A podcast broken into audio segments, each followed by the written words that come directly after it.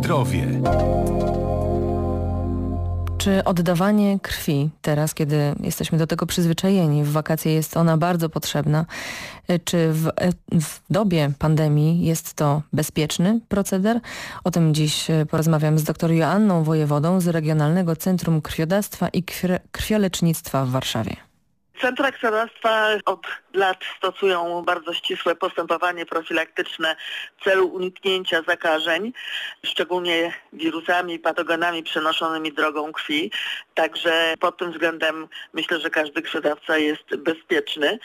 Natomiast y, dodatkowo z powodu aktualnej sytuacji epidemiologicznej wprowadziliśmy jeszcze szczególne zalecenia, mianowicie jest realizowana taka wstępna selekcja dawców, czyli dawcy wchodzą pojedynczo i wypełniają po wejściu taką ankietę epidemiologiczną, gdzie pytamy właśnie o sytuacje, które mogłyby stanowić ryzyko zakażenia się wirusem Warto wspomnieć, że jeśli potencjalny dawca wraca z kraju, który jest uznany przez Instytut Hematologii za bardziej opanowany pandemią niż Polska, to taka osoba musi wstrzymać się z oddawaniem krwi przez 14 dni. Lepiej więc, żeby po prostu nie wybierała się wtedy do punktu krwiodawstwa, tylko te dwa tygodnie poczekała.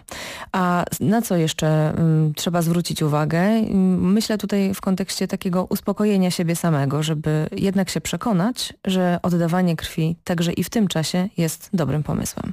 Oczywiście dawca oddaje, przebywa cały czas w maseczce, która zasłania usta i nos. Są wszędzie płyny do dezynfekcji. E, wszystkie długopisy, które podajemy do wypełniania są e, dezynfekowane, jeżeli to jest możliwe, to jednorazowe, na przykład na akcjach wyjazdowych. W czasie oddawania dawca jest e, ubrany w fartuch jednorazowy. Oczywiście są sterylne serwety, którymi zabezpieczamy miejsce ułożenia ramienia. Personel jest y, odpowiednio zabezpieczony w środki ochrony osobistej. No tu już niestety kontakt musi być taki w miarę bliski zarówno w czasie badania, jak i pobierania. Tego nie unikniemy.